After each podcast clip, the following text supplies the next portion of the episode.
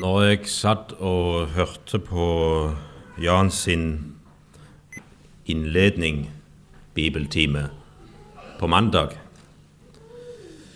så samla vel inntrykket seg av Israel sin, sitt frafall, sammenholdt med vår situasjon i dag, seg i det som vi sang nettopp i vers 5. La ingen synd i dag meg slik forblinde at Herrens velbehag meg går av minne.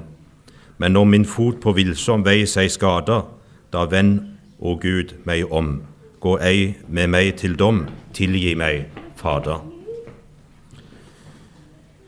I bibeltimen i går så hørte vi om hvordan Herren først ville straffe Israel fordi folket hadde brent røkelse for baalene og hadde glemt Herren.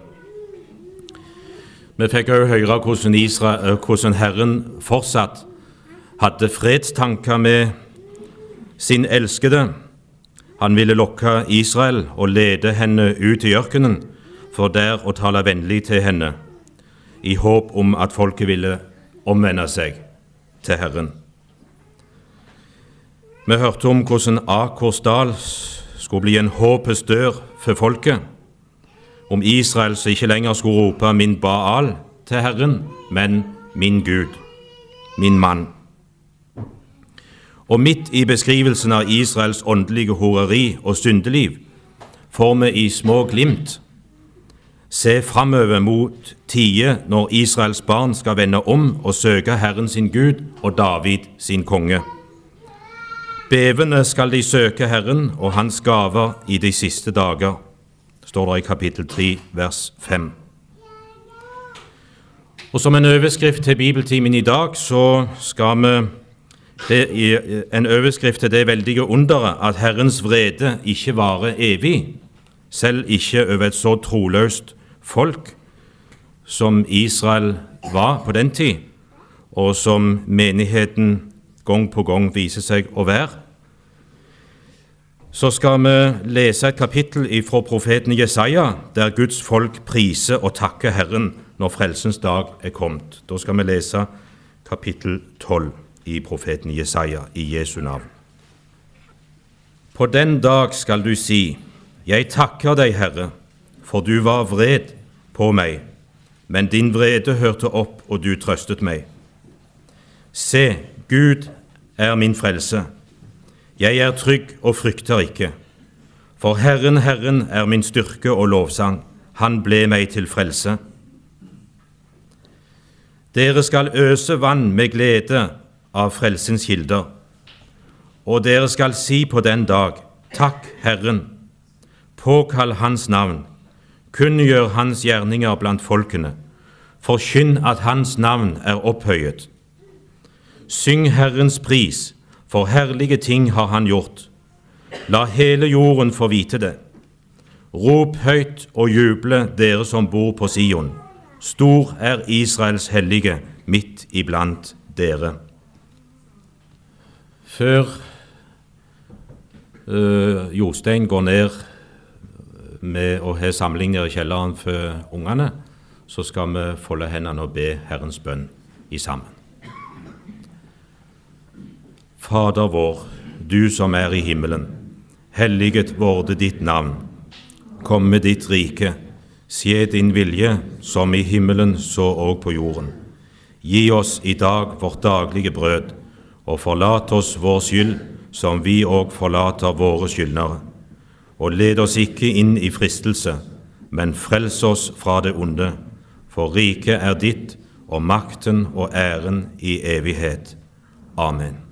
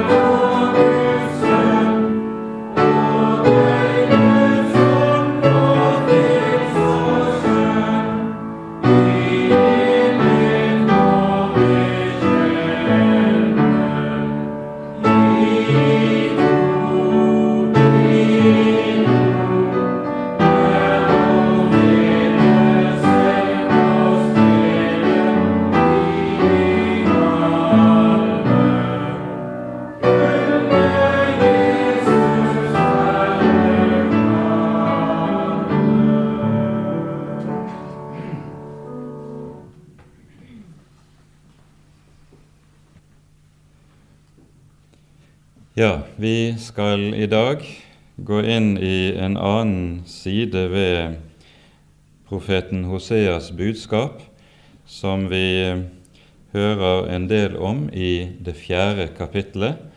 Og vi vil også i dag begynne bibeltimen med at vi leser et kapittel i sammenheng, før vi så går inn i tekstene. Men la oss be sammen før vi går videre. Kjære Herre, du hellige og gode Gud. Så er vi kommet sammen på ny for å høre dine ord. Takk, Herre, at vi skal få lov å tro og regne med at det er du selv som samler oss, fordi det er du selv som også vil ha oss i tale. Derfor, Herre, har vi også frimodighet til å be deg. Send din Hellige Ånd. Gi oss hørsomme ører og hørsomme hjerter, slik at ordet ditt kan få grobunn hos oss og bære frukt.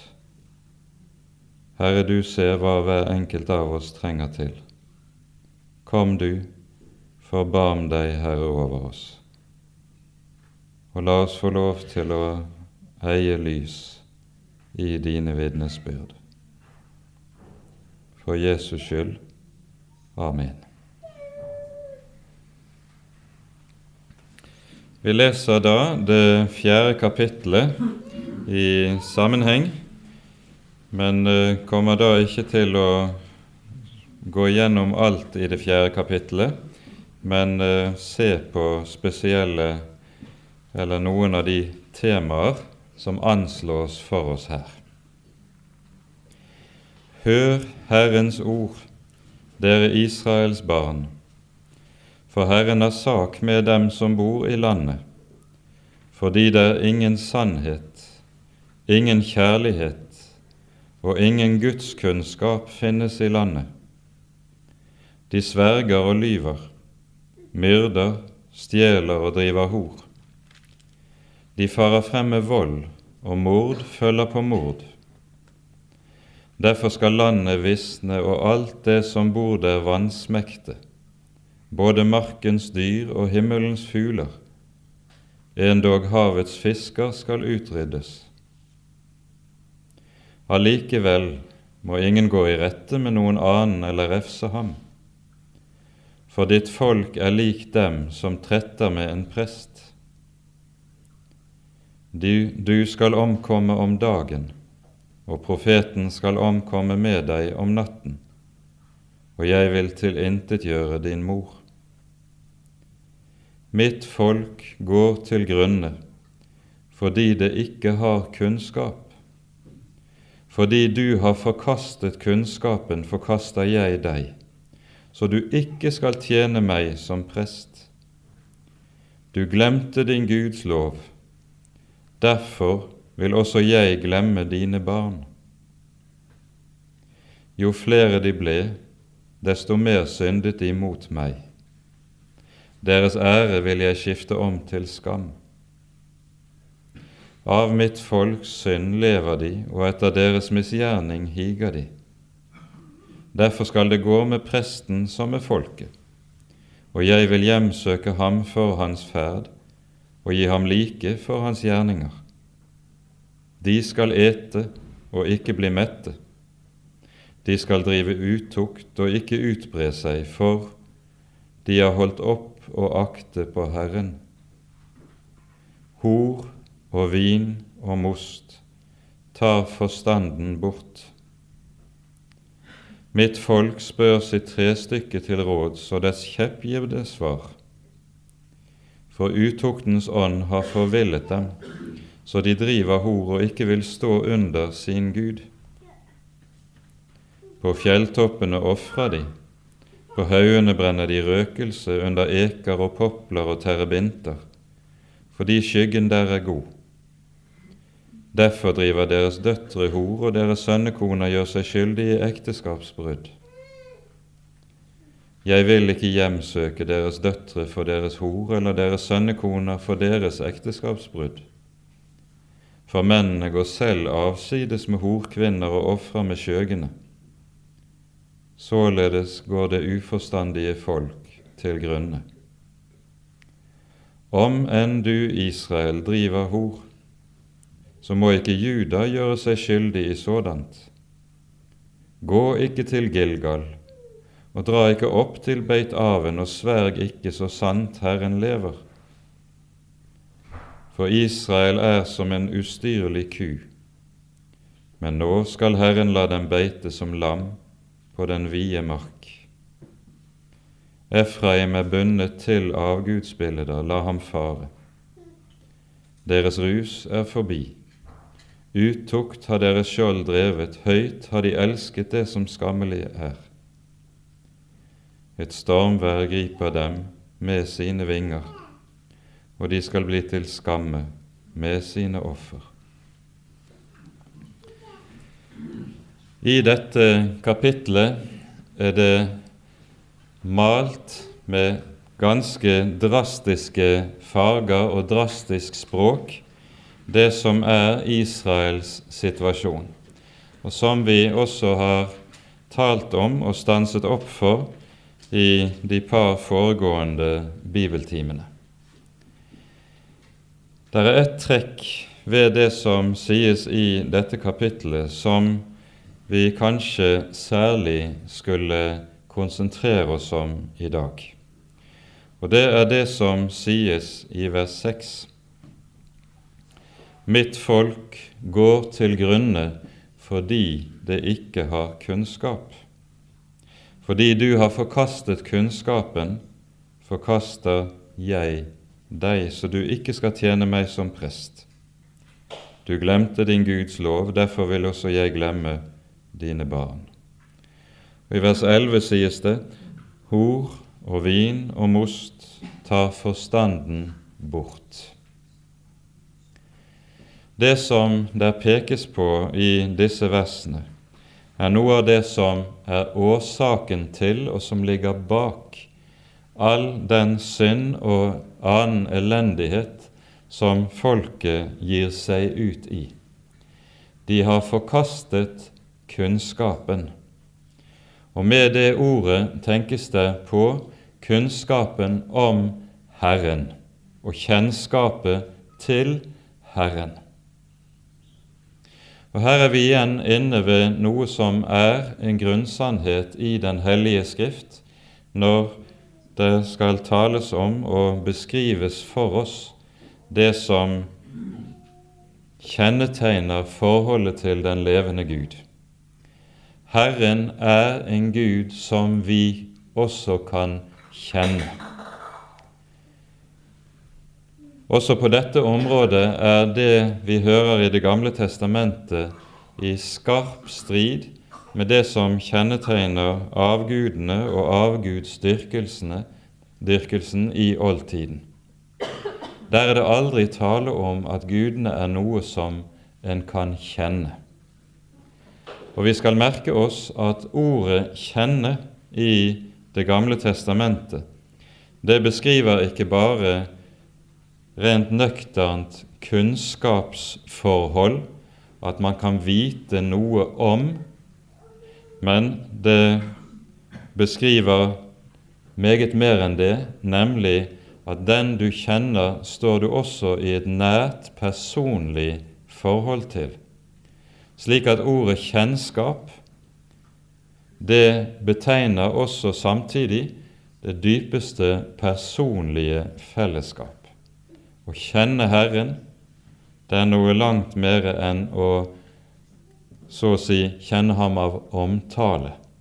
Det er å stå i fortrolig samfunn med ham, slik Skriften taler om det i andre sammenhenger.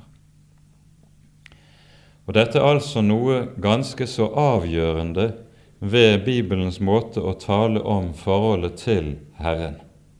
Slikt hører vi aldri om når det gjelder avgudene i oldtiden. Og her er det jo også vi ser Bibelens budskap går på tvers av det som så ofte lyder til oss i våre dager, og som er enkelt formulert innen det vi kaller for agnostisismen.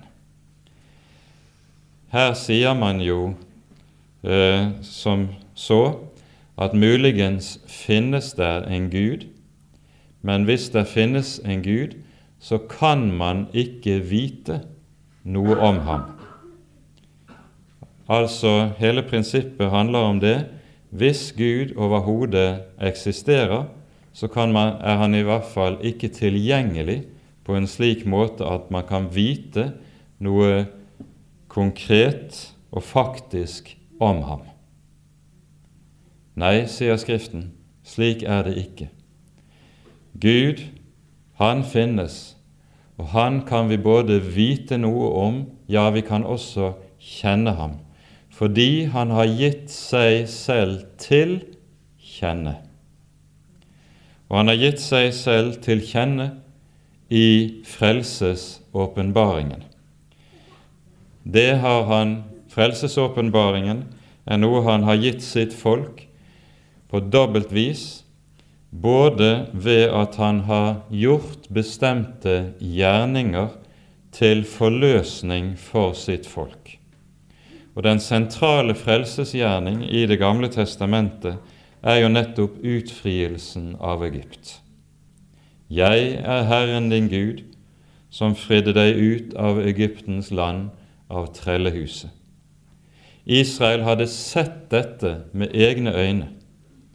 De hadde sett Herrens gjerninger, at Han med utdrakt arm og sterk hånd hadde ført dem ut og fridd dem fra alle deres fiender og ledet dem inn i friheten. Og ved Herrens gjerninger kunne de altså også kjenne Herren selv. Men Herren nøyde seg ikke bare med å handle. Han har altså også talt. Og Det er den andre måten Herren gir seg til kjenne på, og dette er den grunnleggende måte. Han har talt.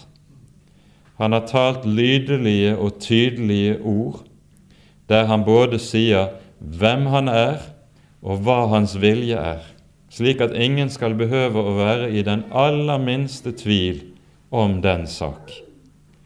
For han har ikke talt langt borte fra eller hen i tåken, men han har talt tydelig og klart og enkelt, så det er forståelig for hver den som vil høre.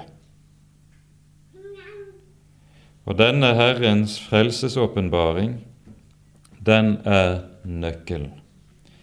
Når det sies om Israel her i Hosea 4 Mitt folk går til grunne fordi det ikke har kunnskap. De har forkastet kunnskapen, så siktes det rett og slett til det at her handler det om at folket bevisst har forkastet den frelsesåpenbaring som Herren har gitt dem i og ved sitt ord. Denne frelsesåpenbaring har vært tilgjengelig for folket.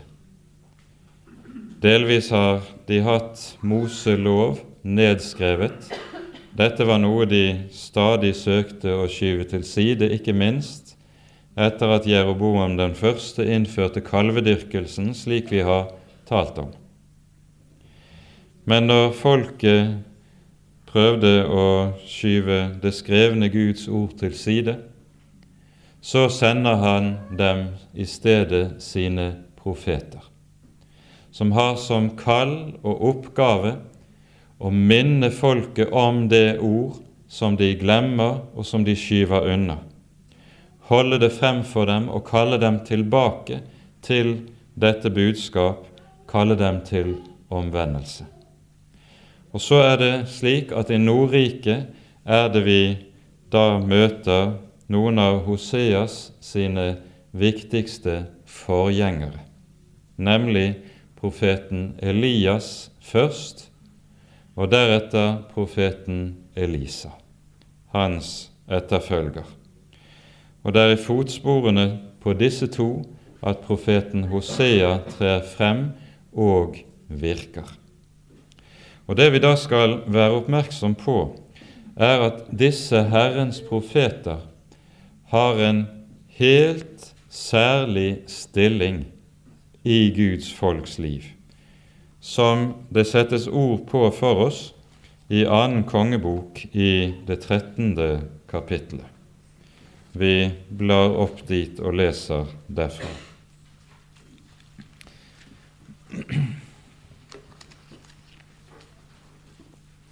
Jeroboam den annen, som var konge i den tid da Hosea virket, han hadde en far som het Joas.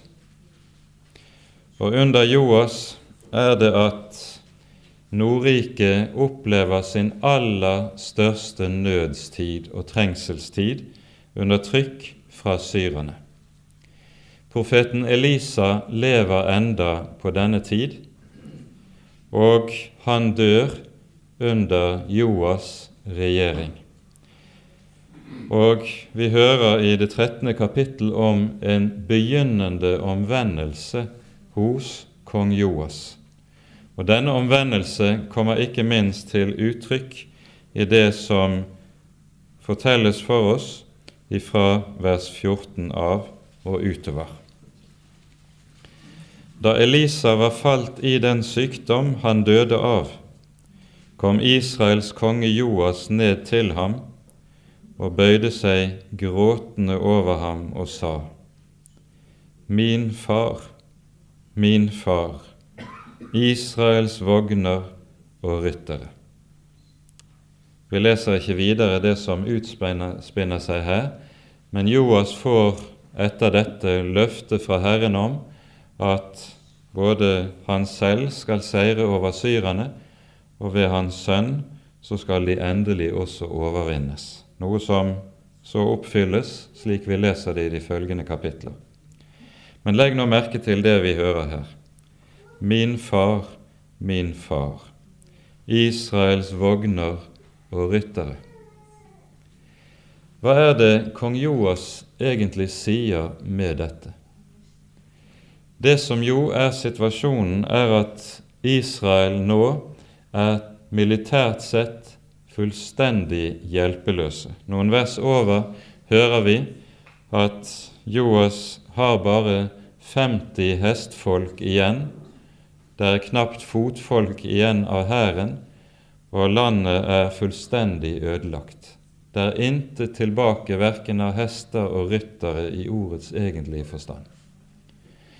Det Joas nå erkjenner, det er at Israels styrke består ikke i hester og ryttere, men i gudsmenn som Elisa, som har Guds ord og som bærer Guds ord frem for folket. Det er i det Israel har sitt egentlige vern og forsvar mot fienden. Dersom Israel forkaster og forskyter disse Guds menn og det budskap de bærer frem, da er det de med det også mister sitt egentlige vern, sine vogner og sine ryttere. Joas har begynt å se og erkjenne den grunnleggende sannhet som om igjen og om igjen fortelles oss og forkynnes for oss i Den hellige Skrift, og som vi hører f.eks. i den 33. salmen, der det står slik ifra vers 16.: En konge frelses ikke ved sin store makt, en helt reddes ikke ved sin store kraft. Hesten er ikke å stole på til frelse, og med sin store styrke redder den ikke.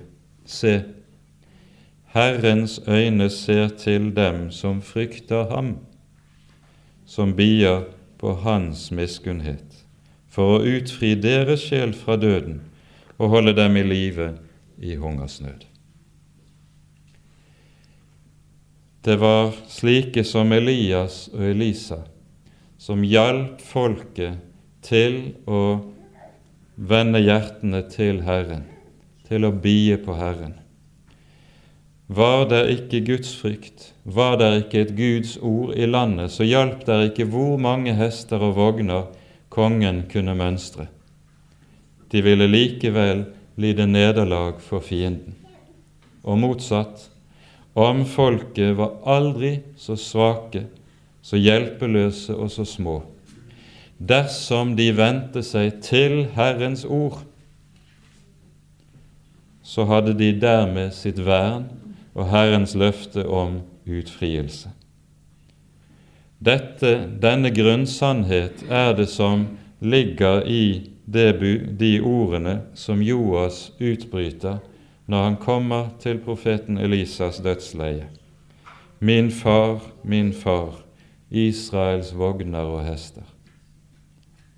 Hvordan skal vi nå kunne overleve når du som har Guds ord, blir borte.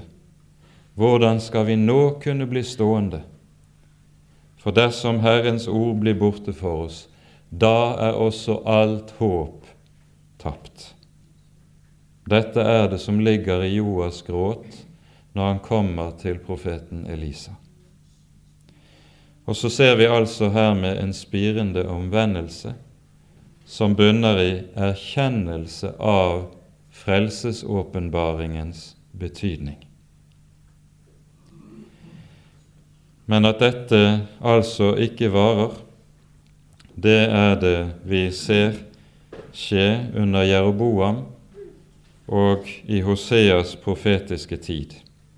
Mitt folk går til grunne fordi det ikke har kunnskap i dette verset som vi leste i Hosea 4,6, så slutter det med disse ordene. Du glemte din Guds lov, derfor vil jeg også glemme dine barn. Og Her er vi borti et annet viktig begrep i Det gamle testamentet å glemme. Når frafall i Det gamle testamentet skal beskrives, så skjer det nemlig stadig ved hjelp av ordet 'glemme' og 'glemme'. Israel glemte Herren sin Guds lov. De glemte Herren sin Gud og Herren sin Guds gjerninger. Svarende til dette så er det også slik at når vi leser særlig Mosebøkene, så ser vi at Herren gir og innstifter i folket en rekke ulike ordninger som alle har det som sin grunnleggende formål å hjelpe folket til å huske. Det å huske og komme i hu er helt fundamentalt i denne sammenheng. La oss se på et par slike steder. Først når vi hører om utgangen av Egypt i Første Moseboks 12. og 13. kapittel, så, sier, så innstifter jo Herren påskemåltidet for at folket gjennom alle tider som følger etter, så skal folket komme i hu hva Herren har gjort. De skal ikke glemme. Eksempelvis 2. Moseboks 13. kapittel fra vers 14. Når din sønn siden spør deg og sier, Hva betyr dette? Da skal du svare ham, med sterk hånd førte Herren oss ut av Egypten, av trellehuset for den gang farao satte seg hårdt imot for å la oss, oss fare, da slo Herren i hjel alt førstefødte i Egyptens land, både folk og fe. Derfor ofrer jeg Herren alt det som åpner mors liv. Og så vers 16. Det skal være til et tegn på din hånd og en minneseddel på din panne. For med sterk hånd førte Herren oss ut av Egypten. I det senere Israel så gjør det jødiske folk dette til et bokstavelig påbud, en bokstavelig tradisjon. De binder rett og slett disse bibelstedene der dette eh, er sagt, inn i kapsler som så bindes fast på panne og på hånd, slik at det alltid skal stå der som et minne for folket. Det skal ikke renne dem ut av sinnet. Du skal komme i hu. Tilsvarende ser vi når det jødiske folk i dag feirer sabbaten, så skjer det alltid ved at den innledes med at to lys tennes sabbatskvelden i hjemmet. Hvorfor de to lys? Jo, de tennes på grunn av at sabbatsbudet, slik det lyder i 2. Mosebok 20, egentlig er et dobbelt bud. Sabbatsbudet det lyder nemlig ikke bare 'du skal holde hviledagen hellig', men det lyder 'du skal komme hviledagen i hu', så du holder den hellig.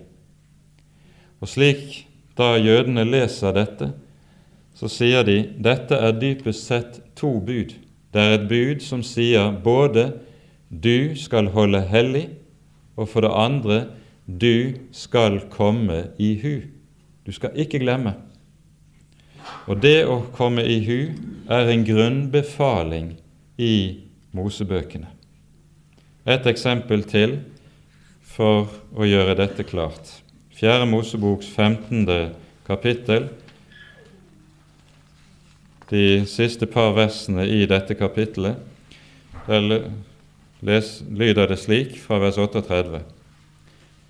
Herren talte til Moses og sa:" Tal til Israels barn og si til dem at de skal gjøre seg dusker på kanten av sine klær, slekt etter slekt, og de skal sette en blå snor på hver enkelt dusk. Slike dusker skal dere ha for at dere når dere ser på dem, skal komme i hu alle Herrens bud og holde dem, og ikke fare hit og dit etter deres hjerte og etter deres øyne, som lokker dere til utroskap, for at dere skal komme i hu alle mine bud og holde dem og være hellige for Herren deres Gud. Jeg, Herren deres Gud, som førte dere ut av Egyptens land for å være deres Gud. Jeg er Herren, deres Gud. Legg merke til dette. Gud sørger for å innstifte det vi kaller tradisjoner, høytider, ordninger og skikker. Det, kan, det er ikke noe problem å liste opp mye flere enn det som her er pekt på. Gud sørger for å innstifte alt dette med det ene formål for øyet du skal komme i hu. Herrens bud og forskrifter, Herrens velgjerninger, Herrens store miskunnhet. Det skal folket komme i hu, og så skal de liksom stadig ha det for øye, så de ikke glemmer det. Og frafall beskrives altså nettopp ved ordet å glemme. Legg merke til hvordan Moses også uttrykker seg her i eh, vers 39. Dere skal komme i hu alle Herrens bud og holde dem, og ikke fare omkring etter deres eget hjerte og etter deres egne øyne, som lokker dere til utroskap. Det beskriver jo veldig godt nettopp hva som kjennetegner oss. Vi går heller etter våre hjerter og hva våre øyne drar oss til. Og så sier Herren, dere skal ha noe annet i minne. Du glemte Herren din Gud. I Femte Mosebok, i det fjerde kapittelet, sies det meget tydelig og klart hva som eh, skulle kjennetegne Israel som folk, og som så å si skulle konstituere den avgjørende forskjell mellom Israel og folkeslagene de bodde midt iblant. Vi leser fra vers 1. Så hør nå, Israel, de lover og de bud jeg lærer dere å holde, for at dere må leve og komme inn i det land Herren deres fedres Gud gir dere, og ta det i eie. Dere skal ikke legge noe til det ord jeg byr dere, og dere skal ikke ta noe ifra, men dere skal holde Herren deres Guds bud, som jeg gir dere. Dere har med egne øyne sett hva Herren gjorde da det hendte, det med Baal Peor. Hver mann som holdt seg til Baal Peor, utryddet Herren din Gud av din midte. Men dere som holdt fast ved Herren deres Gud, dere lever alle den dag i dag. Se, jeg har lært dere lover og bud, således som Herren min Gud bød dere, for at dere skal gjøre etter dem i det land dere drar inn i og skal ta i eie. Så skal dere da ta vare på dem og holde dem det vil bli regnet for visdom og forstand hos dere av andre folk. For når de får høre om alle disse lover, vil de si:" Sannelig et vist og forstandig folk er dette store folk. For hvor finnes der et folk, om det er aldri så stort, som har guder som er det så nært som Herren vår Gud er oss, så ofte som vi kaller på ham? Og hvor finnes der et folk, om det er aldri så stort, som har så rettferdige lover og bud, som hele denne lov jeg legger frem for deg i dag? Vokt deg bare og ta deg vel i akt at du ikke glemmer. At du ikke glemmer. Her er det nettopp slik at det å ta vare på Herrens bud og Herrens lov, det er den grunnleggende visdom som også altså skulle kjennetegne Guds folk, og ved å holde fast på dette ord ville Guds folk også komme til å forbli det hellige folket. Og ved å være det hellige folket så ville det også være et folk som var annerledes. Det ville være et folk som skilte seg ut fra alle de folk som de levde midt iblant. Det ville være det annerledes folket. Og så hører vi som et fast omkved i, gjennom ganske særlig femte Mosebok dette ta i vare. Ta vare på dette ord. Hold fast på dette ord. Vokt dette ord. Vær nøye med nettopp dette. Og vi skjønner hvorfor Herren så ofte gjentar dette. Det er nettopp fordi det ligger mennesket så nær å glemme. Det er det Israel gjør. De glemmer. Og hva som er årsaken til glemselen, det hører vi også meget om i både i Mosebøkene og i, hos profeten Hosea. Her skal vi peke på en sak som er meget sterkt medvirkende til dette. Vi hopper til 5. Mosebok, 8. kapittel.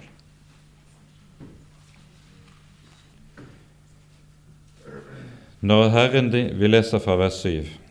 Når Herren din Gud fører deg inn i et godt land, et land med rinnende bekker, med kilder og dype vann som veller frem i dalene og på fjellene, et land med hvete og bygg og vintrær og fikentrær og granatepletrær, et land med oljetrær og honning, et land hvor du ikke skal ete ditt brød i armod, og hvor du intet skal mangle, et land hvor steinene er jern, og hvor du kan hogge ut kobber av fjellene.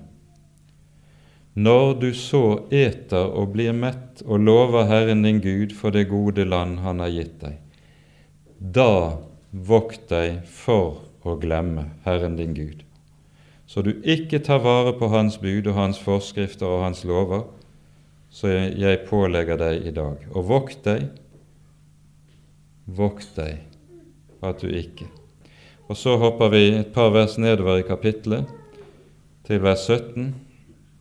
Si da ikke ved deg selv, det er min kraft og min sterke hånd som har vunnet meg denne rikdom, men kom Herren din Gud i hu. For det er Han som gir deg kraft til å vinne deg rikdom fordi Han vil holde sin pakt, som Han tilsvor dine fedre, slik det kan sees denne dag. Men dersom du glemmer Herren din Gud og følger andre guder osv. Det vi ser her, er at en av de viktigste årsakene til at folket glemmer, glemmer Herrens ord og Herrens kunnskap, det er medgangs- og velstandstider. Nettopp slike tider var det under Jeroboam den annen, slik vi har hørt det. De fikk oppleve frihet fra fiendene, mange år med fred, og med freden vokste også velstanden i landet. Men i stedet for å takke og love Herren for at Han hegnet om dem, ga dem fred og fridde dem fra fiendene, hva gjør de? De glemmer. Og så begynner folket å si det er ved min egen hånd, det er ved min egen styrke jeg har fridd meg ut fra fiendene. For det ser ut til at disse to ligger snublende nær hverandre. På den ene siden medgang og på den annen selvtillit og tro på egen styrke og kraft. Der mennesket opplever mye og stor velstand, medgang og kraft, der begynner man langt heller å lite på seg selv, egen kunnskap, egen dyktighet, egen kraft, egen kløkt. Og nettopp det ser vi i Hoseas dager. Vi blar til Hosea det 13. kapittel, der dette sies ganske uttrykkelig.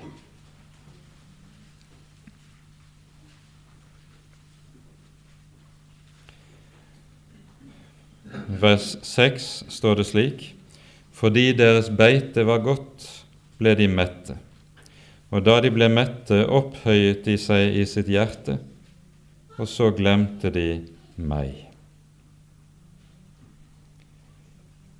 Og i kapittel 10 vers 13 står det sånn i det annen halvdel av verset Du har satt din lit til din egen ferd og til dine mange helter.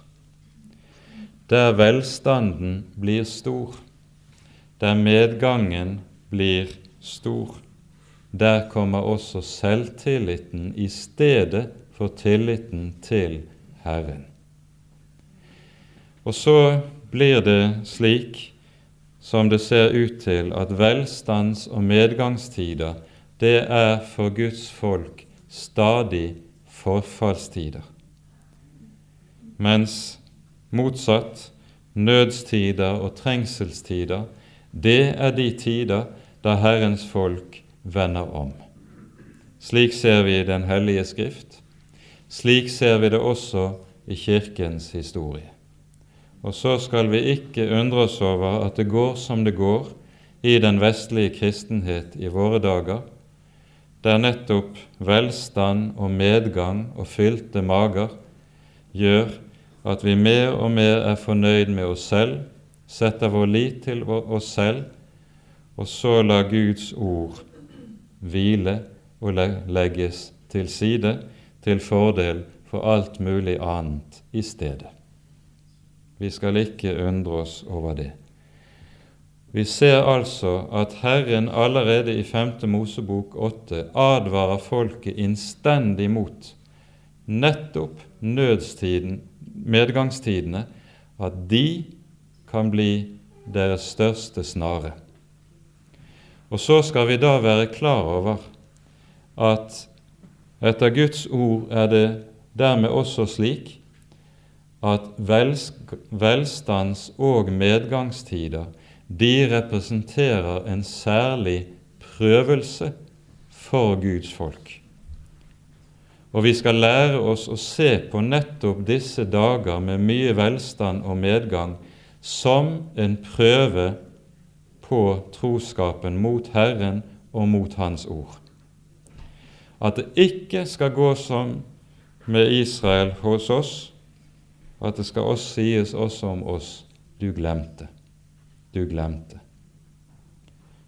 Og at Herren til slutt må si om oss som han gjorde om dem. Mitt folk går til grunne fordi de ikke har kunnskap. Israels styrke ligger i nettopp det at de tar vare på Herrens ord. Men hvor ødelagt Guds folk var og ble i denne tid, det har vi flere eksempler på. Kanskje et av de aller tydeligste finner vi i 2. Krønikaboks 30. kapittel. Her hører vi om kong Hiskia, eller Esekias, som han kalles i den gamle bibeloversettelsen. Eh, kong Esekias han lever og regjerer like etter at profeten Hosea er død, og han regjerer i Sydriket. Hiskia får oppleve å se at Nordriket går under i 722, og asyrerne som velter inn over Nordriket og legger det i grus, de velter også inn over Sydriket og legger store deler av Hiskias eget land og rike i ruiner på samme vis. Dog Jerusalem blir berget, Hiskia blir berget gjennom trengslene, slik vi har vært inne på det. For Hiskia er en av Israels, vi skulle nå si Judas eller Sydrikets, beste konger. I hans tid er det slik at det gjennomføres en veldig reformasjon. Han renser tempelet i Jerusalem for avguder og søker å vende folkets hjerter tilbake til Herren.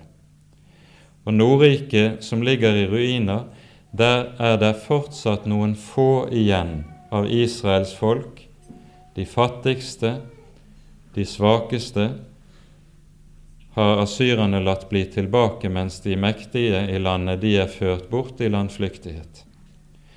Og mens Hiskia nå søker å vende folket sitt tilbake til Herren, så sender han også budbringere med Herrens ord omkring i restene av Nordriket, og innbyr dem, kom opp til Herrens tempel Vend tilbake til Herren, og la oss feire en hellig høytid.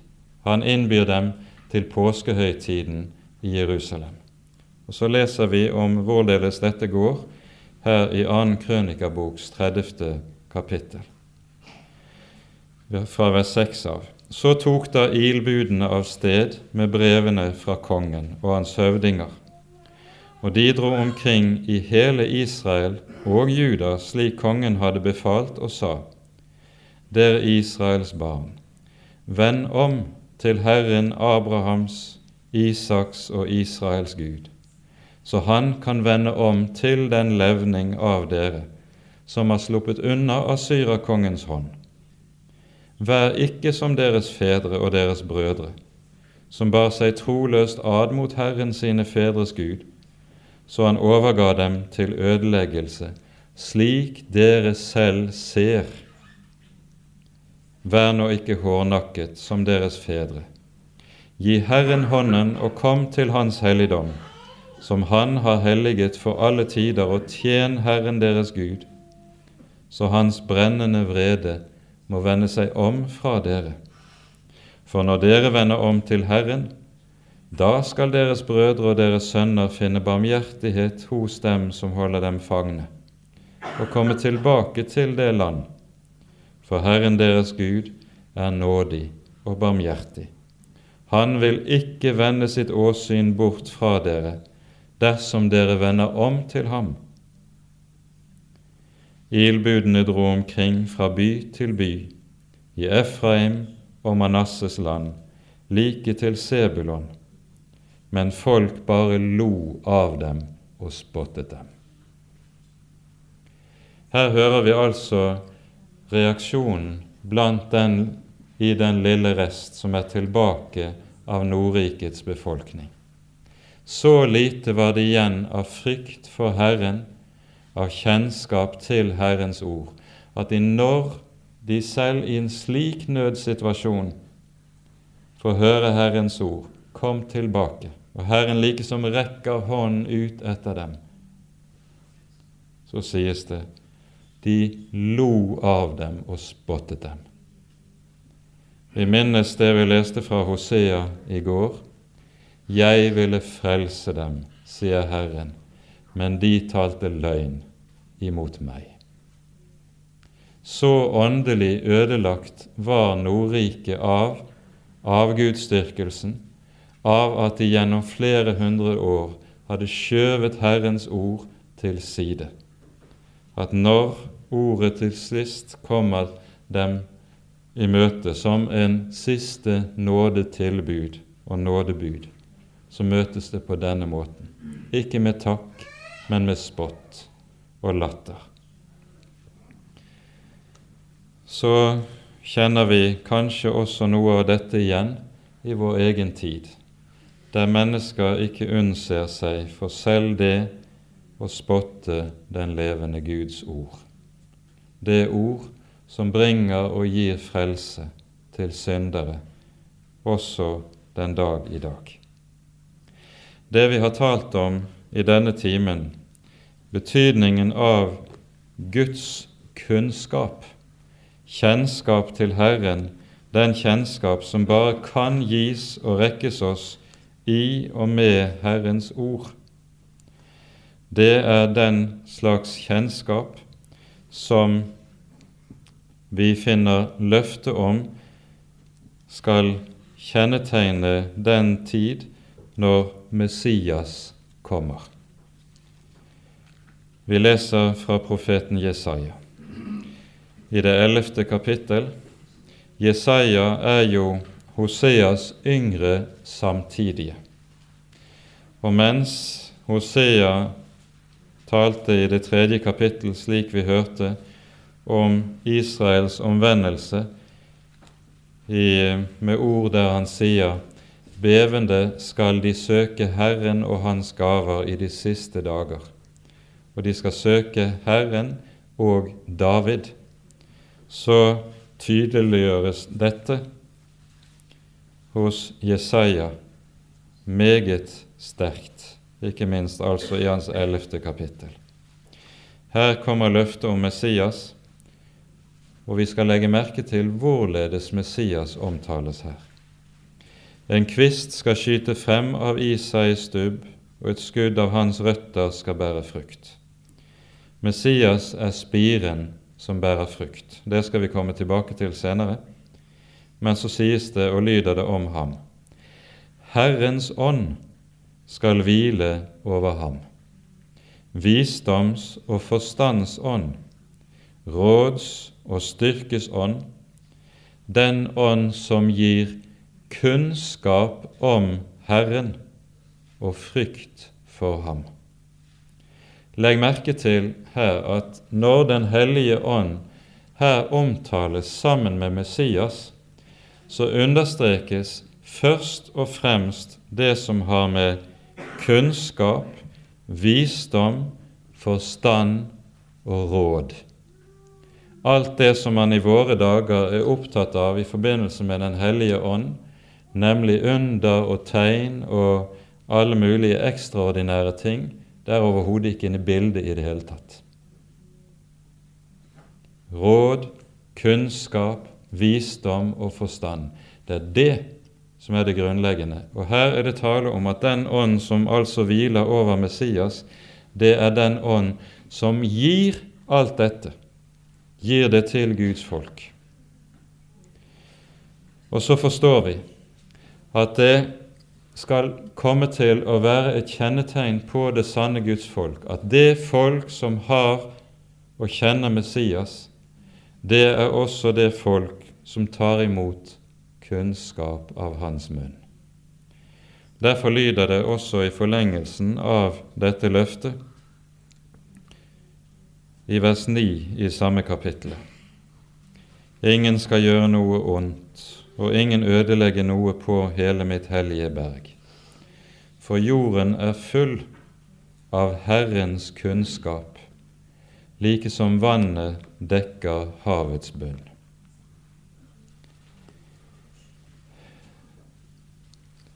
Når en troende jøde våkner om morgenen og stiger ut av sengen, så er det første han skal si hver morgen, det er følgende ord.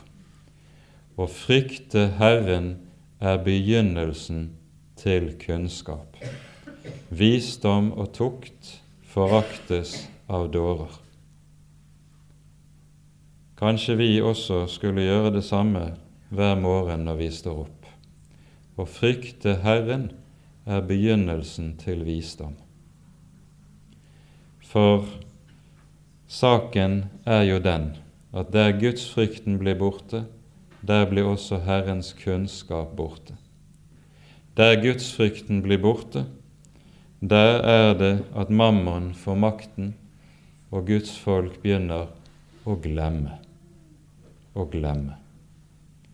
Og så skal vi minne hverandre om betydningen av dette som understrekes her. Fordi med dette så understrekes det også hva som gjennom alle tider er et alfa og et omega for Guds folk. Det er at de tar vare på Guds ord, og at dette kommer til uttrykk også i hvordan vi legger opp det kristne arbeid, i det undervisningen i Guds ord kanskje er det som det aller mest skulle legges vekt på i det kristne arbeid òg. Å frykte Herren er begynnelsen til visdom.